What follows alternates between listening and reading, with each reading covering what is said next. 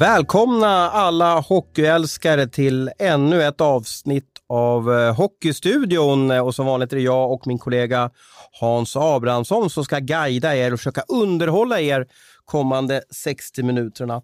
Abris, hur har helgen varit? Helgen har varit som helgerna har varit den senaste tiden här nu. Man eh, istället för att åka Sverige runt på hockeymatcher så håller man på och påtar i trädgården eller tömmer någon stupränna eller städar i garaget eller sådana där saker som man, eh, ja, det är så vardagen ser ut, eller helgerna ser ut numera. Och i helgen så var det en eh, hyfsad eh, intressant förlängning. Marek Rivik stannar i Leksand två år. Hur tror du han resonerar om sin framtid om du får killgissa? Eh, ja, hur resonerar han runt sin Bra framtid? att du inte där Ja, jag höll mig från det. Eh, ja, han vill väl försöka. Han hade ju en väldigt skadedrabbad säsong innan han kom till Leksand. Så jag tror väl att han är ute efter och, och det blev ju lite sönderhackat även den här säsongen. Så jag tror nog att han, eh, han är ju inte supergammal än. Var han 28 eller någonting sånt här kanske? Eller? Typ, Ja, typ. prime kan man kalla det för. Ja, så han vill väl säkert göra någon bra säsong. Jag skulle kunna tänka mig att han har en out för spel i exempelvis Schweiz eller KL efter den här säsongen om man nu skulle komma upp i de här 50 poängen som vi tror att han har potential till. Så att det är väl ungefär så jag tror. Och sen eh, vet jag att han har varit ute bland olika klubbar och så här och jag har förstått så har han inte varit alla har inte kastat sig över honom så. Han har ju naturligtvis varit en eh, attraktiv spelare, men det har inte varit den här superjakten på honom. Och jag har förstått att han inte har varit tokdyr heller för den delen. Så att eh, när han vägde för och emot och roll och, och lite sådär så vart väl Leksand då det bästa alternativet kanske. Och sen är det förmodligen en, eh, ett lönelyft för att eh, han var kanske Leksands bästa spelare den gångna säsongen. Ja, det var han ju. Sen tror jag väl att han hade ganska bra när han kom också. Han hade ju ändå ganska bra meriter där från, från Nordamerika och sådär. Så att, eh, men eh, lite till har han säkert har nog eh, Thomas Johansson tvingats lägga på där för att få honom. Det var väl väldigt populära toner i alla fall på sociala medier från Leksandsfansen att eh, vi kunde berätta det här då att Rivik blir kvar. Så det verkar ju som att det är en spelare som... Det var lördagsfeeling på, på sociala medier i lördags. I alla fall bland eh, eh, masarna och kullorna som håller på Blåvitt. Ja, den där tiden med 9-10 på lördagskvällar är nog kanske ganska tacksamt att släppa positiva nyheter kanske. Ja, precis, precis. Men den kanske största snackisen, och det var givetvis kanske inte Rivik förra veckan, var ju att eh, efter en månad av eh, publiceringar på SVT, eh, på Aftonbladet, andra mediehus också, eh, så valde Bostedt och ishockeyförbundet tillsammans, säger man utåt i alla fall, gå ut med ett pressmeddelande att Bostedt slutar som generalsekreterare för ishockeyförbundet. Det här måste vi prata om. Eh, en del kanske tycker att åh vad tråkigt att prata om gubbar i slips. Det, det, vi, vill, vi vill ha mer bara rock'n'roll och SHL och rykten och sådär. Men eh, jag anser att det här är ett stort beslut som kommer påverka svensk hockey. Ja, det är ett jättestort beslut och det eh, ska väl erkänna att jag blev lite överraskad även om jag har väl, om, ja, vi om några har väl känt att det har blåst ganska hårt runt ishockeyförbundet de senaste veckorna framför allt här så jag är ändå överraskad att, eh, att det här fällde Tommy då att han eh, valde att kliva tillbaka. Det måste jag säga. Men, och, nu ska jag väl vara någon sån här paragrafryttare eller någonting. Eh, om du läser pressmeddelanden och läser alla texter. Har han fått sparker? Har han slutat själv? Ska han sluta på förbundet?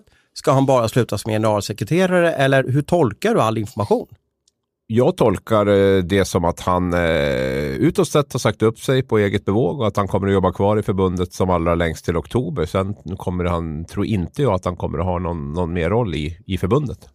Nej, han får ingen utredarroll utan han kommer Jag vet inte försvinna om han från är så huset. sugen på det heller. Jag, jag tror att han, eh, han har ändå varit där i 20 år nu på, på förbundet och sådär. Det kan ju vara möjligt att han själv känner också att liksom, kraften och energin inte riktigt finns där för att vara den här engagerade chefen som, som krävs idag med att eh, många som vill bli lyssnad på och, och, och eh, få feedback och, och så. Det är ju inte bara, bara där utan det är väl, lika, det är väl likadant med oss jag på att säga och det är likadant med unga spelare idag i hockeyn och allting. Att det, det, det krävs mycket också. Jag vet inte om han, han är 60 år nu också så att... eh, Över 60 ja. Ja, och det... ehm, jag tror att... eh, nej, jag tror att han kan vara ganska färdig med det där faktiskt. Jag har jobbat mot Tommy i 20 år.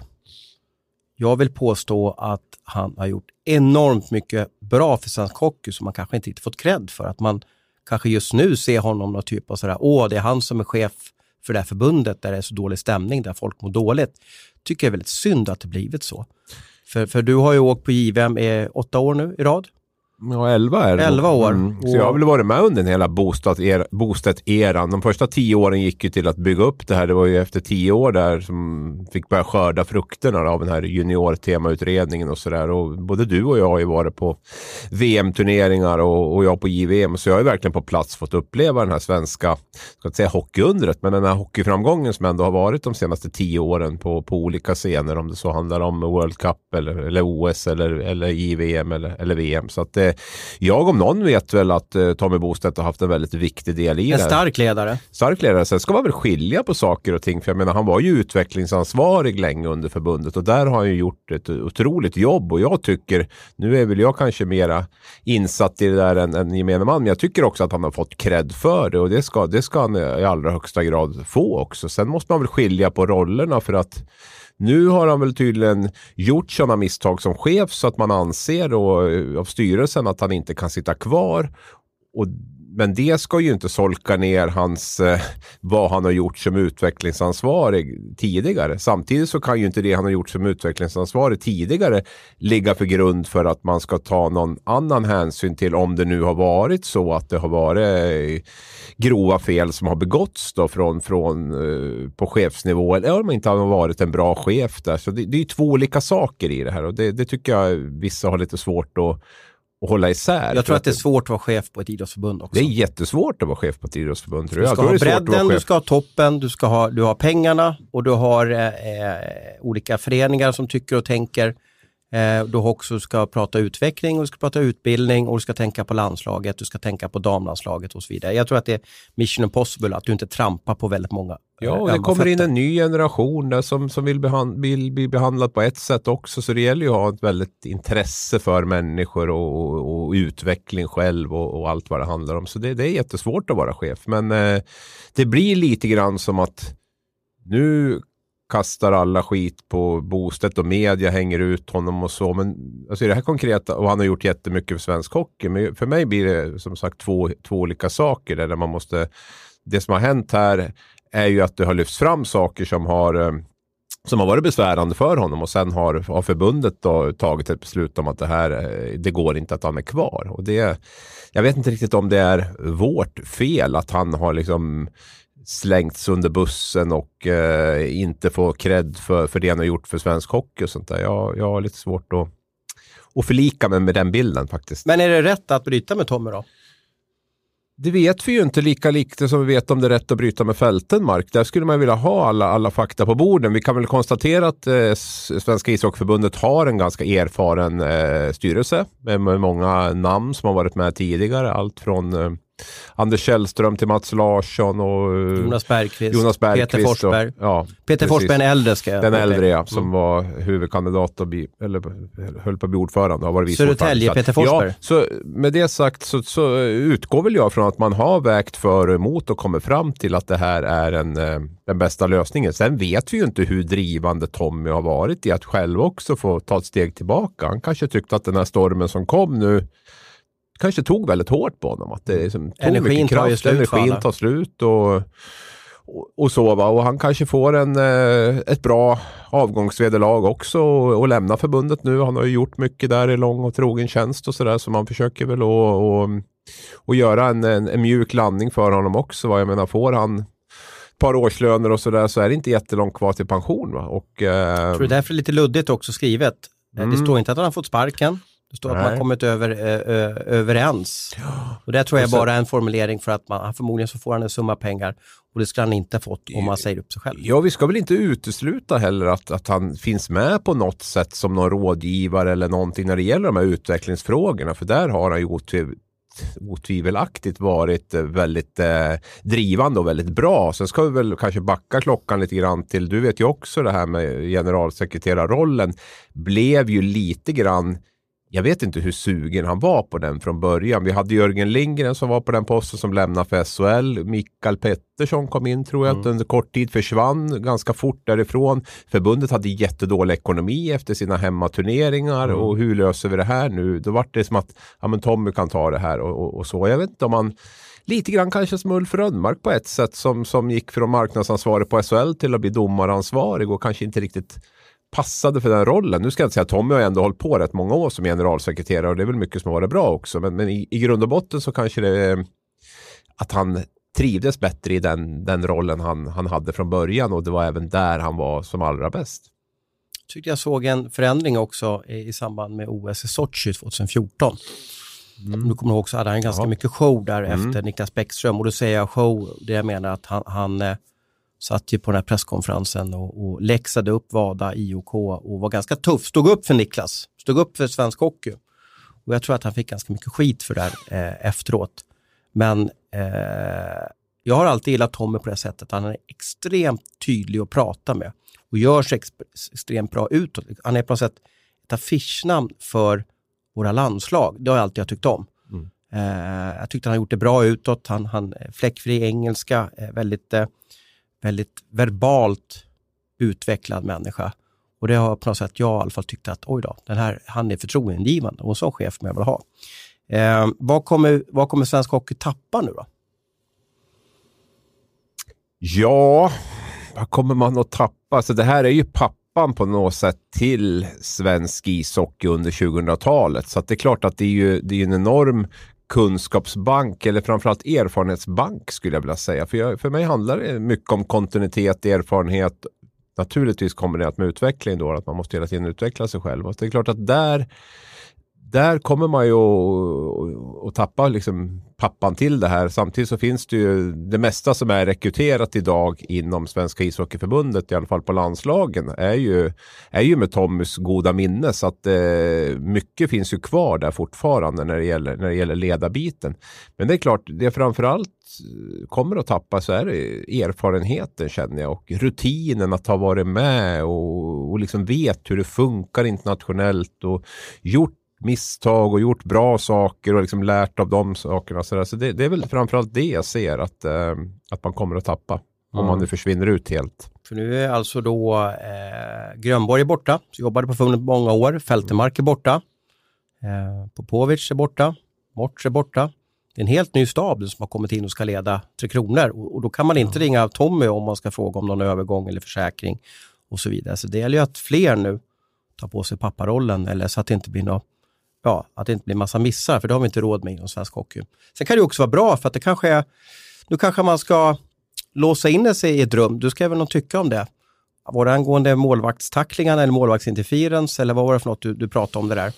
Ja, det var nog något med målgården i alla fall. Ja. Var, var Men när vi säger så här, är det inte dags nu att SHL, SDHL, Hockeyallsvenskan och SIFT och Hockeyförbundet, eh, nu när det är nya chefer lite överallt, och Hockeyallsvenskan är ju fortfarande Gians där, eh, att man sätter sig i ett, i ett rum och pratar ut hur vill att svensk hockey ska funka. Ska man göra som i Schweiz?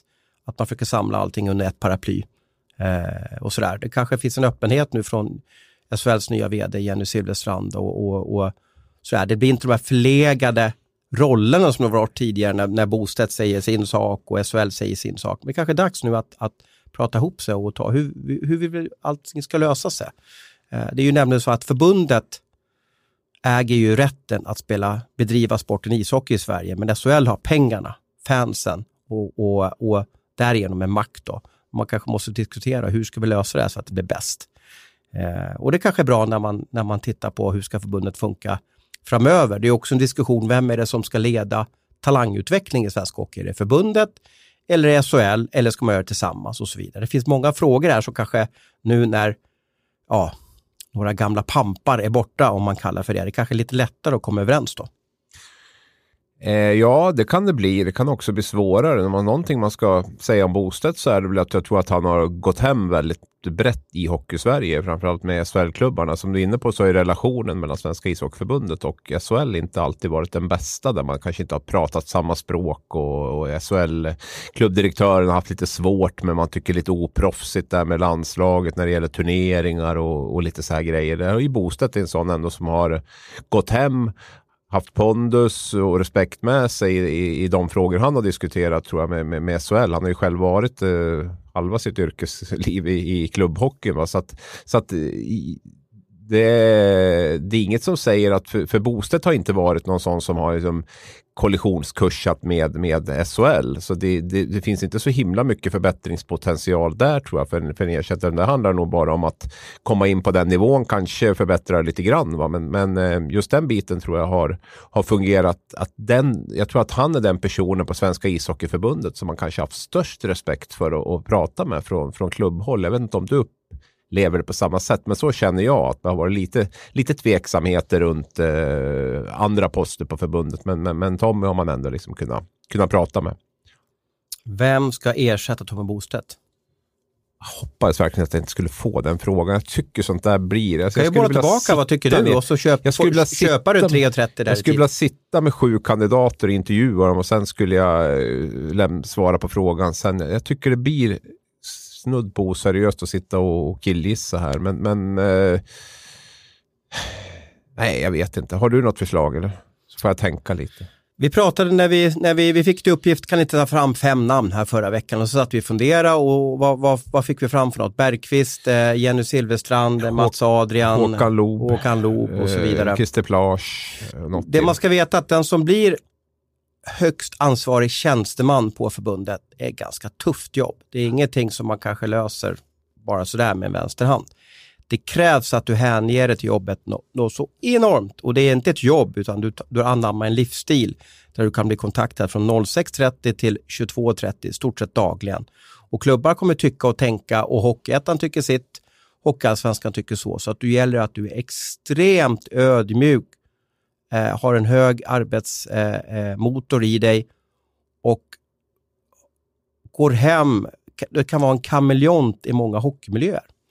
Ja, och sen måste man ju ställa sig frågan. Bostedt har ju mycket på grund av sin, sitt engagemang inom hockeyn varit väldigt liksom engagerad i både Tre Kronor och Juniorkronorna. Har varit på plats mycket och sett mycket och sådär. Och det är ju också frågan, är det en sån, behöver en generalsekreterare vara ute där eller handlar det mer om att liksom den här eh, dagliga driften på, på, på kansliet? Så det, det är lite grann vilken typ av, av person man, man behöver ha. Hur stor hockeykompetens behöver en generalsekreterare på ishockeyförbundet ha och, och så vidare och så vidare. Så det där är ju, det är ju frågor, jag avskyr att säga det, men som jag inte riktigt har hundra, hundra koll på om jag ska vara ärlig, vad, vad, som, vad som är allra viktigast för, för en sån position. Jonas Bergqvist har spelat mängder med landskamper. Han var klubbdirektör för Leksand. Eh, han har vunnit VM-guld. Han sitter i styrelsen från Hockeyförbundet, det vill säga han har ju registret som kanske skulle passa för den här tjänsten. Men han har sagt att han inte är intresserad. Då tror jag han fattar också att han går ner i lön och han kanske också förstår att det här är ett tufft jobb. Eh, Håkan Loob nämnde vi, men du vet han är närmare, han fyller 60 nästa år, mm. om jag räknar rätt. Eh, det är inte så lätt att bara hoppa in i det där och flytta Nej. till Stockholm och sådär. Nej, och det var det jag kände. Jörgen Lindgren hade också med som ett namn. Sen när jag satt och tittade på den listan kände jag, mm, nej, det många gamla gubbar. Jag skulle, ja, det är nog eh, en jätterelevant fråga om man inte skulle försöka få in någon, någon yngre där. Nu låter det lite så här klichéaktigt att bara slänga ut så att det ska komma in någon yngre och modernare och sådär. Men, men, att man har någon som har liksom orken och drivet och som kanske inte haft en superframgångsrik karriär på hockeyplanen eller i som SHL-VD utan verkligen ser det här som en chans att eh, göra lite karriär och göra någonting bra och sådär och, och få in den. Och som samtidigt också kan hantera det här nya kraven på ledarskap, vad det innebär nu med, med personal och, och allt möjligt. Så, där. så att, eh, utan att nämna något namn så, så tycker jag att det, det vore intressant om man kunde hitta något kanske runt, runt 40 eller något. Vi har ju eh, det ligger kanske i tiden att vi försöker vara väldigt noggranna med, med eh, vara könsneutrala. Och ett intressant namn är ju Eva Werkelin. Vet du vem hon är? Nej, jag har ingen aning om jag ska vara helt ärlig. Nej, hon har ju drivit hockeyn på Gotland och är en känd turist och, och hockeyprofil där på, på, på Gotland. Och är med i styrelsen eh, för ishockeyförbundet. Jag tycker det skulle vara intressant att testa en, en, en kvinna i den här rollen för att se vad som händer. Um, ja, bara, jag, bara jag, kompetens. Ja, så jag slänger fram hennes namn så får vi se om det kan, om det kan väcka något nå, nå intresse i alla fall. Hon har i alla fall en intressant bakgrund, 56 år. Eh, jag tror att det skulle vara ett spännande namn att se. Om hon är intresserad, om hon vill flytta från ön och om hela styrelsen tycker att hon har rätt CV och meriter för det här.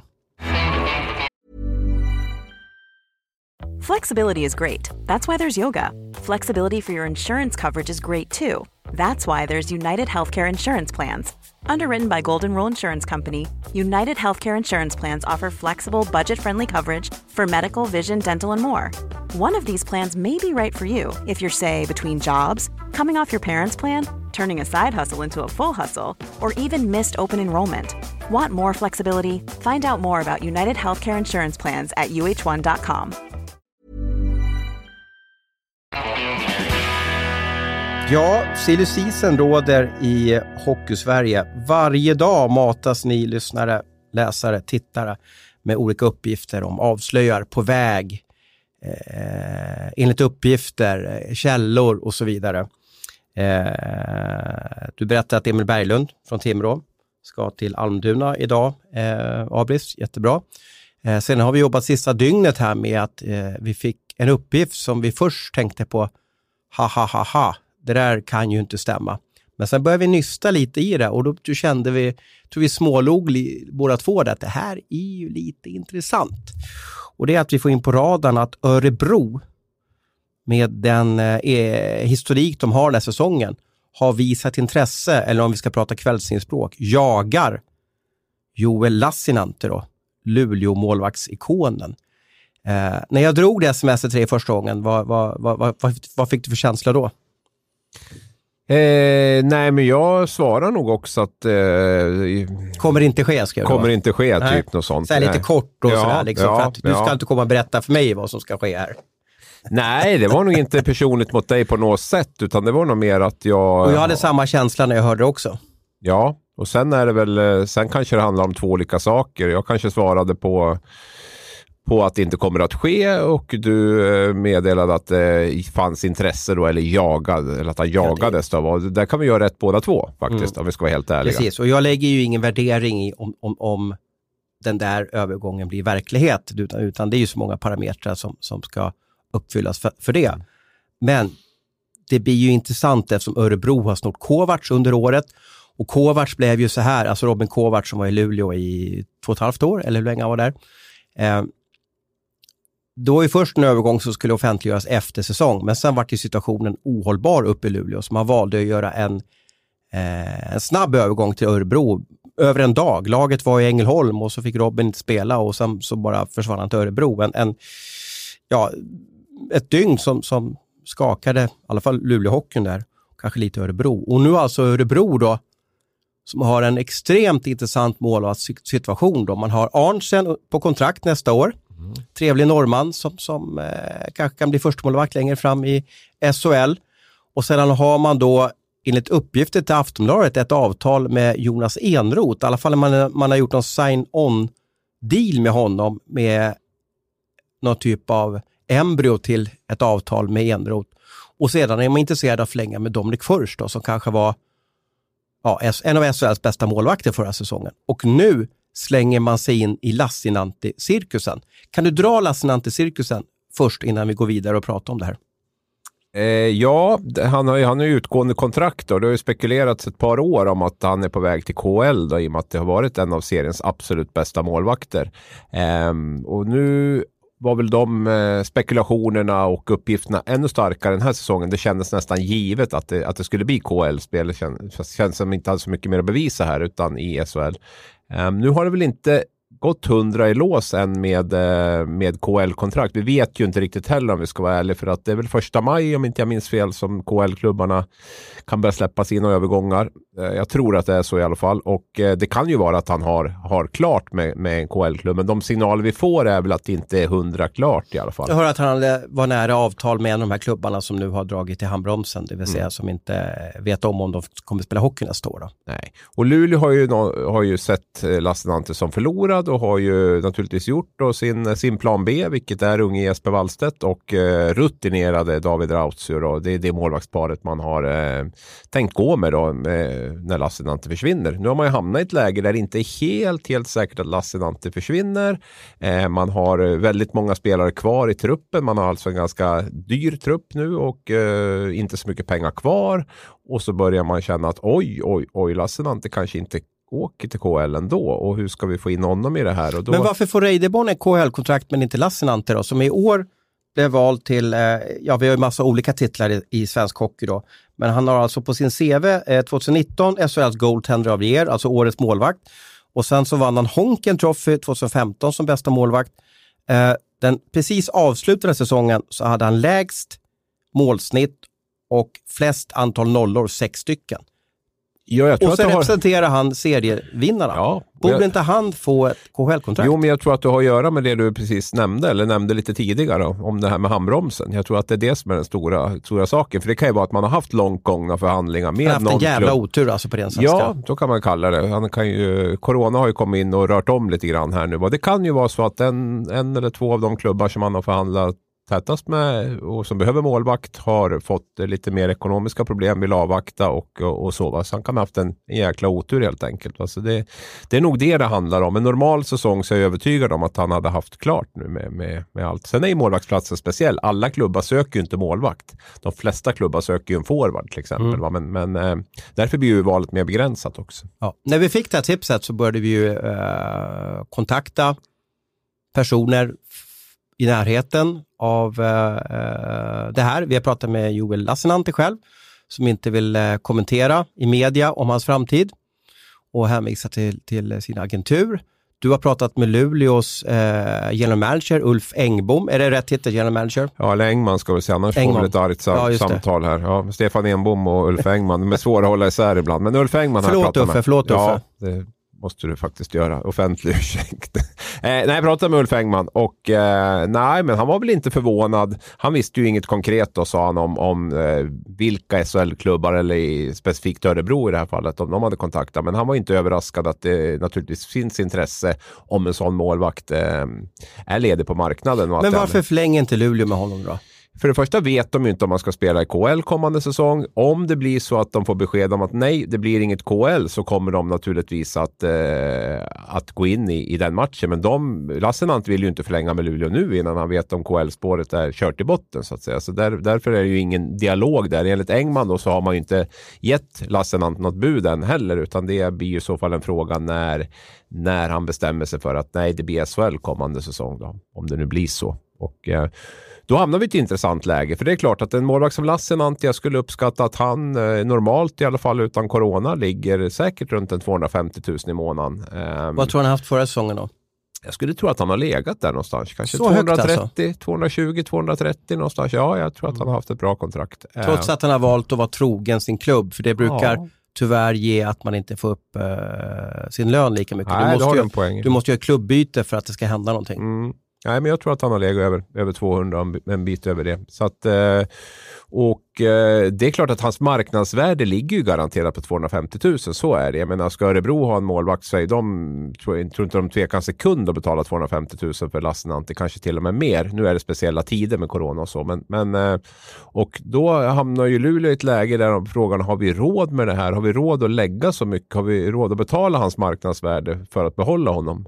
De har ju ändå en lösning där också som de tror ganska hårt på. Jag skulle tro att de väldigt gärna vill ha Lassinantti där också, men Wallstedt och Rautio har de ändå känt att vi kan gå in i SHL med. Jag, jag måste bara säga att Lassinantti förlängde alltså för tre år sedan med Luleå och skrev ett treårsavtal. Mm. Tror du verkligen han fick 250 för tre år sedan? Nej, jag sa inte 250, jag sa att han fick 230 kanske. Ja, ungefär, ja, någonstans. oj, oj, oj. Ja, Vilken jätteskillnad. Jo, jo, men det är väl skillnad. Det är ju fan noga det där. Nej, men jag, jag vet att han skrev ett... Eh, det är jättebra avtal. Jag tänkte på att han kanske heter eller idag. Vet, ska jag inte säga heller. Det ska jag inte säga. Men, men vad, jag, vad jag har hört så har han i alla fall ett kontrakt som är i de, de nivåerna där. Så att, eh, Ja, han skrev ju kontrakten när han var tredjemålvakt på VM också och det innebär att han har satt ett bra läge så det, det kan nog stämma kanske 230. Det bara lät väldigt mycket. För när man stannar i sin klubb, de här förlängningsavtalen, då brukar det innebära att man måste få, att man, blir, man får lite rabatt som klubb då för att man, ja, man väljer att stanna. Liksom jag tror det var ett läge där, kan det ha varit Lars Osten Bergström Det var sista år Osten, till och med? ja, Ja, ja. Så det var nog också kanske ett annat löneläge. Men vad kommer då. ske nu då? Ja, vad kommer att ske nu då? Jag tror att, om jag ska säga vad jag, vad jag tror. Först ska vi väl slå fast i att, eh, ja, enligt våra uppgifter så känner vi oss säkra på att Örebro har, har anmält sitt intresse för Ja, att... För som jag vet så vet Luleå om det också. Okej, man kör med ganska öppna Ja, kort. till och med det. Ehm, ja, och eh, jag tror att eh, jag tror att det kommer att lösa sig med KL på något sätt. Jag pratade med Ulf Engman och han sa man, man, jag ser ju honom mycket hellre i KL än en annan SHL-klubb om, om jag säger så, sa han. Och, ehm, Och jag tror att blir det inte KL så är jag helt övertygad om att Luleå kommer att lösa Lassinantti. Eh, man har en jättechans att gå för guldet nästa år. Han är otroligt populär där uppe, både för sitt spel men också sin personlighet. Det är ju grannens grabb och, allt det där. Va? Så jag är övertygad om att de här sponsorerna kommer inte att tillåta att eh, Joel Lassinantti spelar i en annan SHL-klubb. Utan jag tror att de kommer att skrapa fram de, de pengar som behövs. Men sen beror det på också, man pratar om att KHL, men menar, det finns ju inte 2000 lediga målvaktsplatser i KHL heller. Och om några klubbar viker ner sig så blir det också ännu tuffare konkurrens att få dem där. Ja, det var lite det jag var inne på. Där, att en forward behöver ju alla lag, men en målvakt kanske det är en fyra, fem klubbar som, som verkligen vill gå för en första målvakt och så kanske två, två av dem får ekonomiska problem. Ja, då är det bara två eller tre kvar och det mm. finns ju fler Man värvar ju inte Lassinantti, ja det kanske man gör, men jag menar, han ska ju vara tilltänkt att vara första målvakt. Man kan ju inte värva honom som backup. Nej, och, och, och, det är också så att man, man har ju kanske en liten övertro på det här med, med NHL. Har man gjort lite NHL-matcher och kanske är 1,90 lång så kanske det slår högre än Lassinantis 1,76 då, eller 1,75 till och med. Man är. Jag var uppe och svamlade om 1,80 tidigare podd, så det får jag be om ursäkt för. Han är ju 1,75, 1,76 någonting. Och det, då kanske man ser att det finns många duktiga målvakter där borta i NHL och AHL som är klubblösa också och, och som, man, som man kanske går på. då. Mm. Fortsättning kommer följa. Är det inte lite coolt att Örebro ändå med den här säsongen ändå ja, vågar, jag vet inte om det är rätt ord, men i alla fall hör av sig då. I alla fall. Men, men det är ju, då gör ju de sin hemläxa. De tittar ju vitt och brett. Okej, okay, vi behöver en, vi behöver SHLs bästa målvakt eh, kommande säsong. Eh, vilka finns lediga? Och så tittar man liksom i ett 180 graders perspektiv på allt. Så att det är ju, inte ska man behylla dem att de... Det är väl tjänstefel av Örebro att inte höra av sig om, om nu Lassinantti inte har bestämt sig och Luleå flaggar så tydligt som Enbom gjorde med att det finns inga pengar hos oss. Liksom. Så, att, eh, så, så det är väl det är klart att Luleå-fansen kommer att bli galen när de hör att Örebro har, har liksom ryckt till Lassinantti. Men, men eh, det vore väl tjänstefel gentemot Örebros supportrar och medlemmar om man inte ställde frågan i alla fall. Mm, ett jäkla läge i svensk hockey nu. Jag tänker bara på Örebro sin målvaktssits. Vågar de gasa på Furch? Vi berättade om hans lönekrav. Man har något, någon typ av liggande avtal med Enroth som man måste lösa. Då. Man kan ju inte sitta med Enroth, Lassinantti och Furch och Arntzen Alltså det blir en väldigt dyr målvaktsuppsättning. Ja, nej, nej, klart, självklart inte. Men jag vet inte, det budet som Furch hade gett via sina agenter var väl inte ens, eh, det var väl inte ens, för, eller, det var väl alldeles för högt för att Och sen ska man ju veta, då, då konkurrerar ju Joel också i KHL mot Furch. Och Absolut. Furch har ju KHL-erfarenhet, ja, så där visst. kommer han ju inte få, han kommer ju inte ta en plats för Dominik. Nej, ju... Hur stor, hur många procents chans eh, ser du att eh, Lassinantti spelar i Örebros röda tröja i vinter? Eh, en procent säger En procent. Mm. Jag tror det och jag tror också Lassinantti känner ju så väl till den här liksom relationen från klubban. Han är från Luleå själv och det är som säger Örebro uppe i Luleå så blir det ju... Så... Ett rött skynke, ja, bokstavligen. exakt. Tack. Hjälpte med det. Det blir, det blir verkligen så. Men kan det bli en annan SHL-klubb då? Ja, det är klart att det kan bli. Den är ju lika spännande den alltså. Att... Ja, nu är det väl inte, nu är vi inne på, det är ju inte jättemånga SHL-klubbar som inte har klart med en, med en tänkt första målvakt heller. Va? Och till och med de flesta klubbar har ju två målvakter på plats. Nu tog ju Oskarshamn in Kanada. Det är väl Leksand som jag kommer på som Och de som har ju, och då ska man ju veta att de har Djurgården och Kopprage på kontrakt. Så ja. det...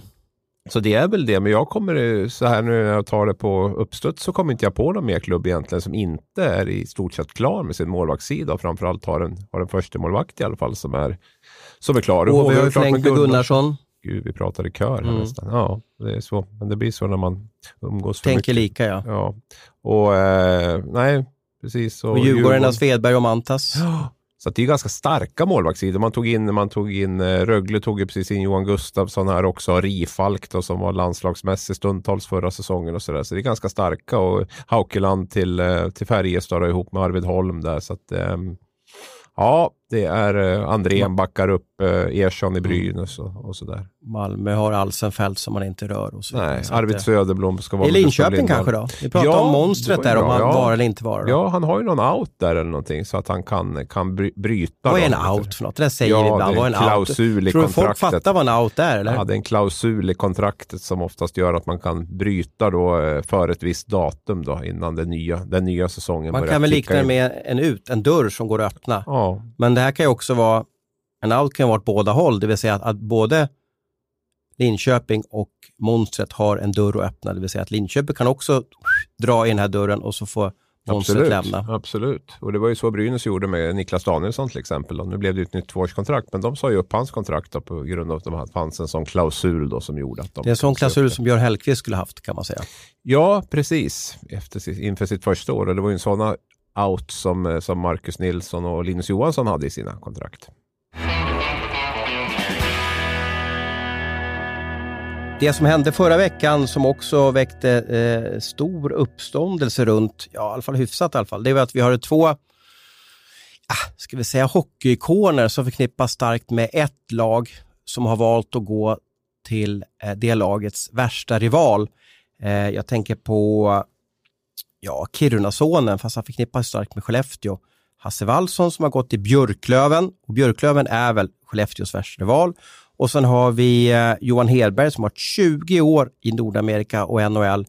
Det är väl han, Albedin och Salming som har varit borta där längst tid. Då. Eh, men Hedberg förknippas starkt med Leksand och nu blir han huvudtränare för Mora. Är det här ofanismen eller är det här 2020? Ja, men lite en blandning kanske. Va? Nog är det väl lite ofan i, i grejerna. Sen Vem, vilken sa du mest då fan över när du läste? Ja, bra fråga faktiskt. Jag tycker att båda är kittlande på varsitt sätt där. Att, att Wall som kommer tillbaka nu och väljer Björklöven då precis söder om, om, om Skellefteå där och, och, och sen naturligtvis då Hedberg till Mora. Men jag, jag måste väl ändå säga kanske Hedberg ändå på något sätt att han eh, dels återvänder till, till Sverige efter så många år och, och dessutom blir huvudtränare i, i Mora då. då och, och, eh, som är, vilka är de värsta rivaliteterna i Hockeysverige? Ska vi reda ut det en gång för alla nu? Djurgården och AIK kan jag väl tycka ändå. Ja, tvåa då. Ja. Du har ju de här... Eh, ja, det finns ju många. Skellefteå, eller Södertälje, Linköping är ju tjuriga på varandra. Ja, men då måste det vara Björklöven, Färjestad, Skellefteå, Jo, men jag försöker ju dra Ja. igenom här. Färjestad, Örebro är lite tjurigt. Leksand, Brynäs är sådär, men du vet, ja. Men sen du vet, kommer du där uppe, då är det ju så liksom, Björklöven var ju storebror många år och så kom Skellefteå och nu har Skellefteå liksom gått liksom totalt förbi dem då. Ja, och sen är det väl med städernas utformning också på något sätt. Va? Björklöven är ju den här, eller Umeå är den här större staden, då, den akademiska staden, men, men Skellefteå är liksom mera Men gruva med Wallson ska man ju säga, han har ju aldrig spelat hockey för, för, för Skellefteå och han, och han var tränare under ja, fyra säsonger om jag räknar rätt med A-laget. Ja, han var ju juniorlaget. junior- Ja, han var väl men- åtta säsonger i Skellefteå ändå, Jo, va? Ganska men starkt på, förknippad ja, juniortränare och Ja, sådär. Men, men, eh, Ja, det är ju inte jag blev förvånad att han kom tillbaka och väljer Björklöven, men jag tror att han känner Per Kente och de, de kanske har någon norrländsk DNA där som, som eh, går lite hand i hand. Och så han känner då att det här blir tryggt och bra för honom, ett bra kanske första steg, för han har ju varit borta från hockeyn sedan vintern 2017 faktiskt. Blir det bra då? Ja, men vadå, har Kente gjort någonting som har blivit dåligt de sista eh, 175 åren? Nej, kanske kommer närmare och närmare ett misslyckande då. Nej, jag vet inte. Jag tror att det blir bra. Ja, jag, men det är in Kente och i Trust. Jag såg häromdagen att de sålde, du vet klubbarna brukar sälja matchtröjor på sina auktioner. Nu Björklöven säljer Kentes eh, kostym på auktion. Ja, man har kunnat ha sålt hans ena tånagel där uppe och Ja. fått bra betalt tror jag för. Nej, men nu, om jag ska säga så tror jag att det blir väldigt viktigt hur man bygger runt Du är så Hasse imponerad. Du, du säger att det är en tränarliga, är det inte så? Eller? Jo, Mm. absolut. Eh, jag tror nog att Hans Wallson har bra saker. Sen tror jag inte att han är någon one man show-kille som, som, eh, som driver allt själv. Och, och som, Men har du Kente med dig så får du så mycket jo, hjälp. Det var det jag tänkte komma till. Och Kente där, men även staben runt honom där tror jag blir viktigt. Och man ska väl ha respekt för hur tränarsidan ser ut. Att Kente då, allsvenskan, ändå lyckas övertala Wallson att, eh, att komma dit. Och så är ju det naturligtvis ett väldigt bra namn för Björklöven. Och, eh, men jag, jag tror att helheten kommer att bli viktig där på ett annat sätt än om vi hade tagit exempelvis Björn Hellkvist som tränare som jag tycker är mera lite ja, lite mera one man show man eller Thomas Berglund eller, eller någon sån. Så alltså, tror jag att eh, Hasse Wallson är mer beroende av att han har eh, tryggt och bra runt sig. Och det är klart, har man en eh, sportchef som Kent eh, och så är det ju en väldigt, ett väldigt stort steg på vägen till att, att det blir så. Det tror jag var en stor anledning också till att Wallson tackade ja.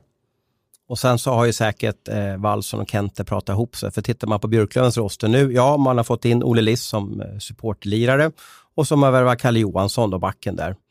Eh, övrigt så ser det väl bara lite sådär ut. De saknar ganska många spelare och tappat och har ingen målvakt under kontrakt och så vidare. Så, att, så att det är ett jättebygge. Men där måste ju Wallson fått signaler att jag vill ha de här typerna av spelarna och jag, vill, jag tänker så här och då har Wallson känt ah, men det här köper jag, det här funkar. Ja, och det tror jag inte man behöver vara bekymrad alls. De kommer att få ihop ett med allsvenskan mått med ett jättebra lag. De har så starka, starka så sålde väl ja, 20 000 biljetter ja. till den här eh, ja, tv-matchen. Man kan ja, är ju en attraktiv klubb att komma till. Vilket lag, om vi inte tittar SHL, vilket lag i Sverige skulle spela för helst i, idag? Jag tror att många spelare säger Björklöven på den frågan. Och det för var, några år sedan var det inte så. Definitivt inte. Nej, för så då skrev man, man ju ett kontrakt och sen nästa gång man skrev ett kontrakt så visste man att man var slut nästan. Ja, men det var ju, liksom, det var ju katapultstol där uppe ungefär. Det var ju ingen utveckling i alla fall på spelare. Nu är det ju tvärtom. Så att de, de kommer att få ihop ett bra lag och det är klart att en, en dubbel eh, guldtränare skrämmer ju inte iväg spelarna heller. Va? Så att det är väl ytterligare en, en, faktor att lägga till. Dessutom har ju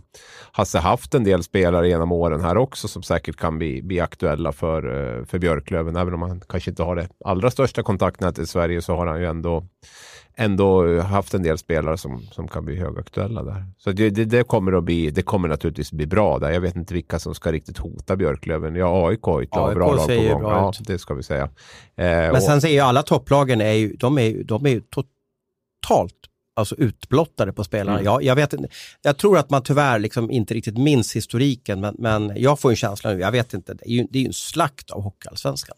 Ja, jag satt faktiskt och skrev någonting om det, att jag hade så bäst 20 bästa värvningar, så kom sju från Björklöven och Modo. Alltså mm. det, det, det, säger ju en del om att det inte är så många attraktiva namn utifrån som har kommit in, men Nej. det säger ju också en del om Och då hur kanske de två största bomberna inte har kommit än, jag tänker på Lundin och Dahlén från Timrå som inte har bestämt ja, ännu. men om vi tittar bara på Modo och Björklöven där, och nu har väl Herman Aktell och, och någon till också lämnat från de här klubbarna. kommer säkert att bli något mer från Modo där också, så det, det är ju en det är ju, eh, den här coronakrisen blev nog tuff också för allsvenska klubbarna. För det tror jag gör också att eh, SHL-klubbarna tittar på lite billigare lösningar. Och var hittar man dem någonstans? Jo, i allsvenskan. Så att, um, det, det, det, är tufft, men det positiva för dem är att det finns ju relativt gott med spe, om spelare trots allt på en, på en stor global marknad. Och eh, är det någonting Per Kent har varit bra på genom åren så är det, eller, han har varit bra på mycket, men det han var bäst på så är det ju att hitta spelare utifrån sin, eh, sin plånbok och så. Nu har han ju en större plånbok att handla för. Han visade redan förra året att han hanterar det på ett bra sätt och eh, jag tror att han kommer att göra det i år också. Väldigt lite snack om Johan Hedberg där. Tycker det är en otroligt spännande värvning för övrigt. Sen har jag ingen aning om hur det kommer att gå. Men, men eh, jag vill bara lägga till det i alla fall. Att, eh, det är friskt av Mora att, ta honom. Ja, jag tycker det är jättespännande och kul. Sen behöver inte jag ta ansvar för resultatet, så då kan jag sitta här och tycka att det är roligt och kul. Men jag vet, jag, jag tror också att det finns goda förutsättningar att det blir bra. Um, både du och jag vet att det är en uh, hardworking eh, mm, guy. Mm, lite mini Niklas Eriksson och Örebro där. Ja, alltså han, hans dygnsrytm är jag lite nyfiken på. Jag vet att liksom Mikko får tag i honom så här fem på morgonen. Ja, vi, vi är Facebook-polare. Jag, jag, ser att han okay. varje gång liksom klockan närmar sig två i Sverige och då får vi räkna nio timmar bakåt. Ja. Så är han aktiv. Liksom då. Ja. Det vill säga att han är vaken. Liksom. Ja, då har han säkert tagit en cykeltur ja, eller, kört på gymmet. Eller ja, någonting. precis. Och, ja. och bänkpressat och jag, 120 kilo. Jag tror att han är extremt motiverad att liksom göra den här resan nu. Dels i Sverige och som, som tränare och, och få göra det på ändå, börja på en relativt, ja, lagom nivå skulle jag vilja säga där med, med Mora. Då. Och, eh, sen finns det många fallgropar på vägen, men jag, jag hoppas att det, att det blir bra och jag tycker det ska bli otroligt intressant att följa den resan. Hade man tagit någon eh, allsvensk tränare från som har varit där många, många år och så, så har man väl kanske inte tokkollat på, på Mora den kommande säsong. Men nu känns det faktiskt väldigt eh, intressant att se vad han, vilka influenser han kan ta med sig och hur han kombinerar alla åren där borta i Nordamerika med liksom hitta en bra ledarstil i, i Sverige som är väldigt annorlunda och sådär. Och dessutom då göra det i Leksands värsta rival. Och du vet, Mora har gjort den resan förut. Man tog Jeremy Colleton där som gick från spelare direkt till att bli tränare och det gick ju bra. Så att eh, rätt förutsättningar och sådär så kan det bli jättebra. Får jag köra en bumper nu då? Ja, absolut. Ja. Du, eh, vi blev lite oense här och vi var inte alls överens när vi pratade om eh, Eh, jag vet att du blev lite besviken för du hade Jakob Nilsson till Färjestad på gång men du kunde liksom inte få ut den, eh, du kunde inte trycka ut den så det vart, ah, vi fick läsa ett pressmeddelande på söndagskvällen här. Men om vi bortser från det, Eh, vi ska inte vara egoistiska och bara tycka att vi ska ha alla nyheter först utan det är klart att klubbarna ska få presentera ibland. Och, och, men vi kan väl diskutera Jakob Nilsson då, för det kommer ju vara en av de största värvningarna eh, till SHL den här säsongen. Eh, rankar honom som topp 10 inte topp tre har jag ställt frågan.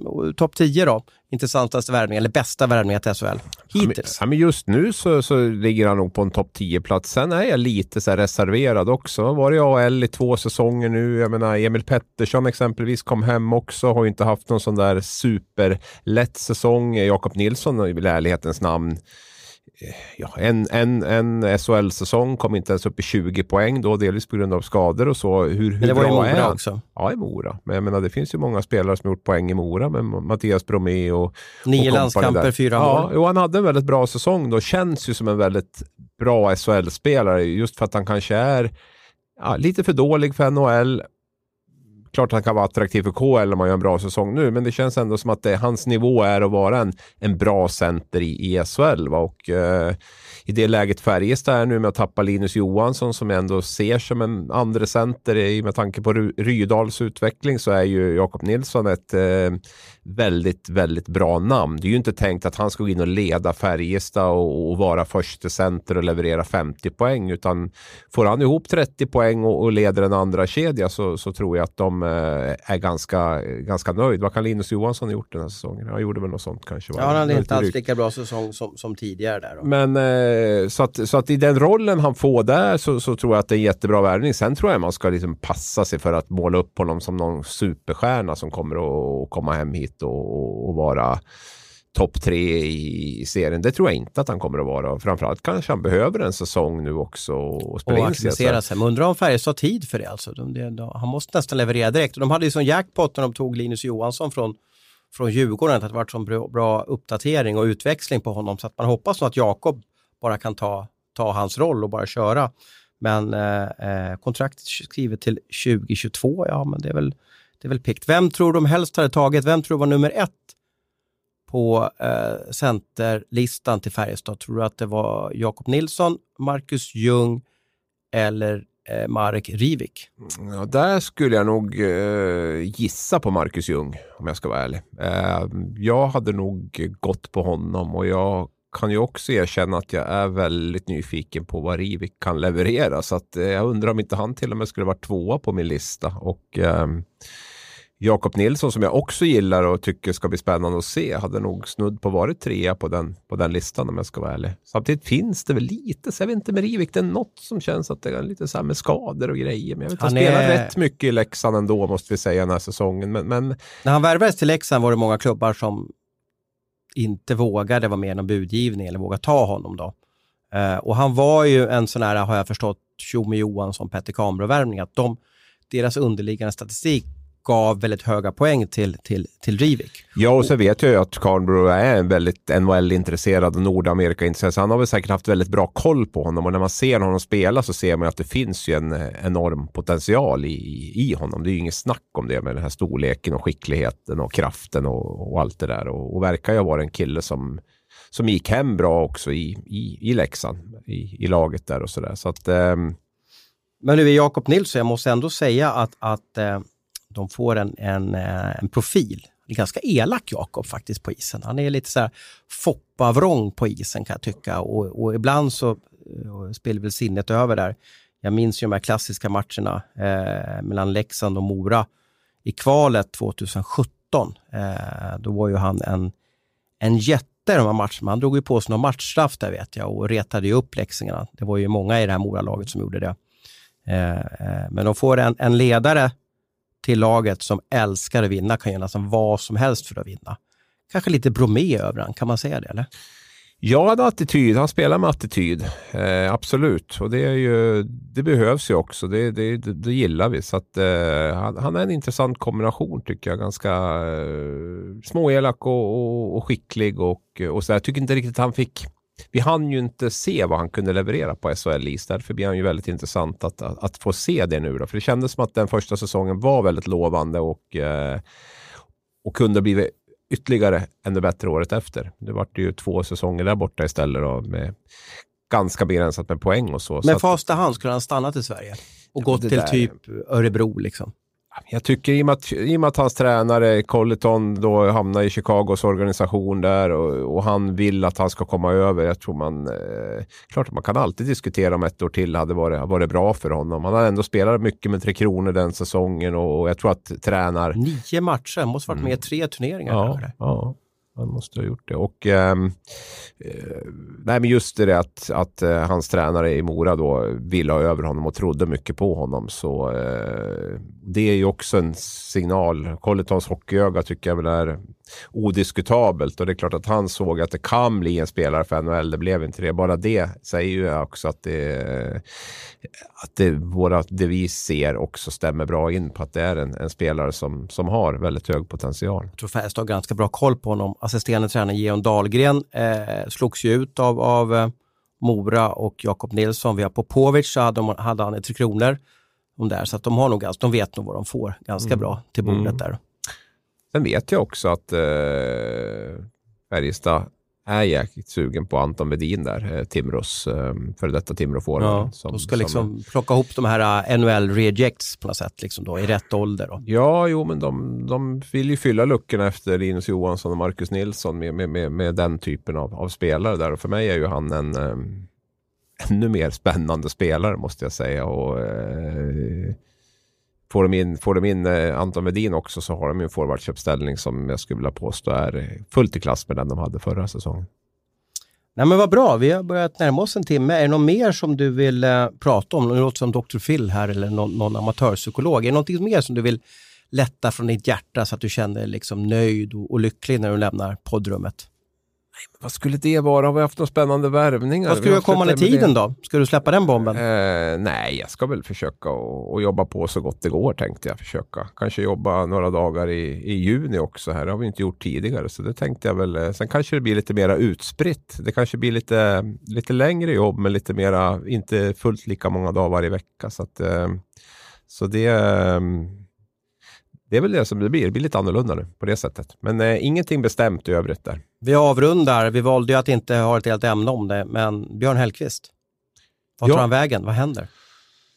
Oh, det var inget björnfritt program den här gången heller alltså. Eh, mm, den där är ju, jag har ju sagt tidigare att eh, det mesta talar för att det kommer att bli Leksand. Eh, och jag får väl stå fast vid det. Eh, sen finns det alltid något undantag som jag sa i ett tidigare program som, som bryter den här regeln mot, mot vad vi största sannolikheten är att det blir. Så att, eh, jag har förstått i alla fall att eh, Modo kommer inte att lägga sig platt om vi säger så i förhandlingarna när det gäller vilken ersättning de ska ha för Hellkvist. Och det, eh, då blir det ju ett eh, rövarspel om det där. Eh, vem som är beredd att stå på sig längst och, och hur hårt är Leksand beredd att gå in i det här. Och eh, det kan nog bli det kan nog bli en ganska mm, svårförhandlad situation. Det, det, det tror jag.